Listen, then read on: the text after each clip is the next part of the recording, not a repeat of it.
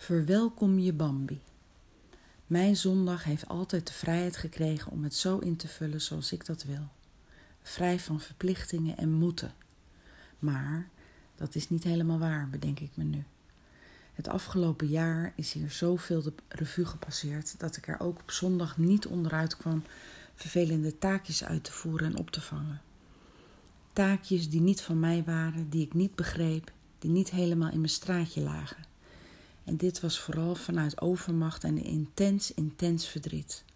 Maar het lag wel op mijn bord. En iemand zal het dan toch op moeten pikken. Het gaat allemaal niet vanzelf. En als ik dan naar deze zondag kijk, dan ben ik dankbaar. Dankbaar dat ik nu hier ben, op dit moment in mijn leven.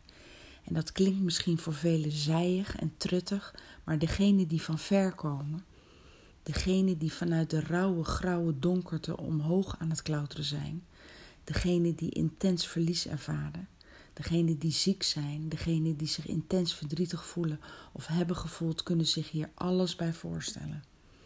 Want wat, wij heb, want wat hebben we dan uiteindelijk nodig om een sprankje geluk te voelen? De moed en kracht vanuit onszelf.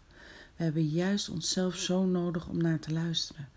We hebben onszelf nodig om het geluk weer wat binnen te harken. En het hoeft niet met manden en karren tegelijk. Van de week was ik bij het bijzondere afscheid van de moeder van een dierbare familie waar ik al zo'n dertig jaar een warme vriendschap voor voel. Met momenten al luisterend naar de liefdevolle anekdotes die er werden gesproken, viel er tussen het gesnotter, wat gekuch en gesnuif een serene stilte. Ons aller uitzicht door de glazen immense pui was die van een uitgestrekt herfsttafereel alsof we deelgenoot mochten zijn in haar levensgrote aanzichtkaart. Want haar natuurlijkheid als mens was zo kleurrijk als de herfst. Haar inspiratie en creativiteit lag voor ons.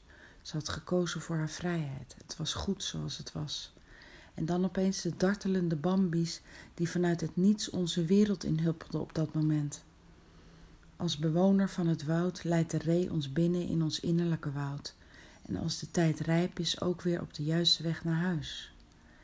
Het innerlijke woud staat voor inwijding, onderzoek en het vinden van je kracht. De symboliek van de Bambi brengt de fijne krachten van het warme hart, zoals liefde, vrede, vertrouwen, onschuld, reinheid, medegevoel en vergeving. En de Bambi's lieten ons op dat moment zien hoe we deze tot uitdrukking kunnen brengen en volgen. Laten we de Bambi's blijven verwelkomen. Het maakt ons een mooie mens. Denk je mooi.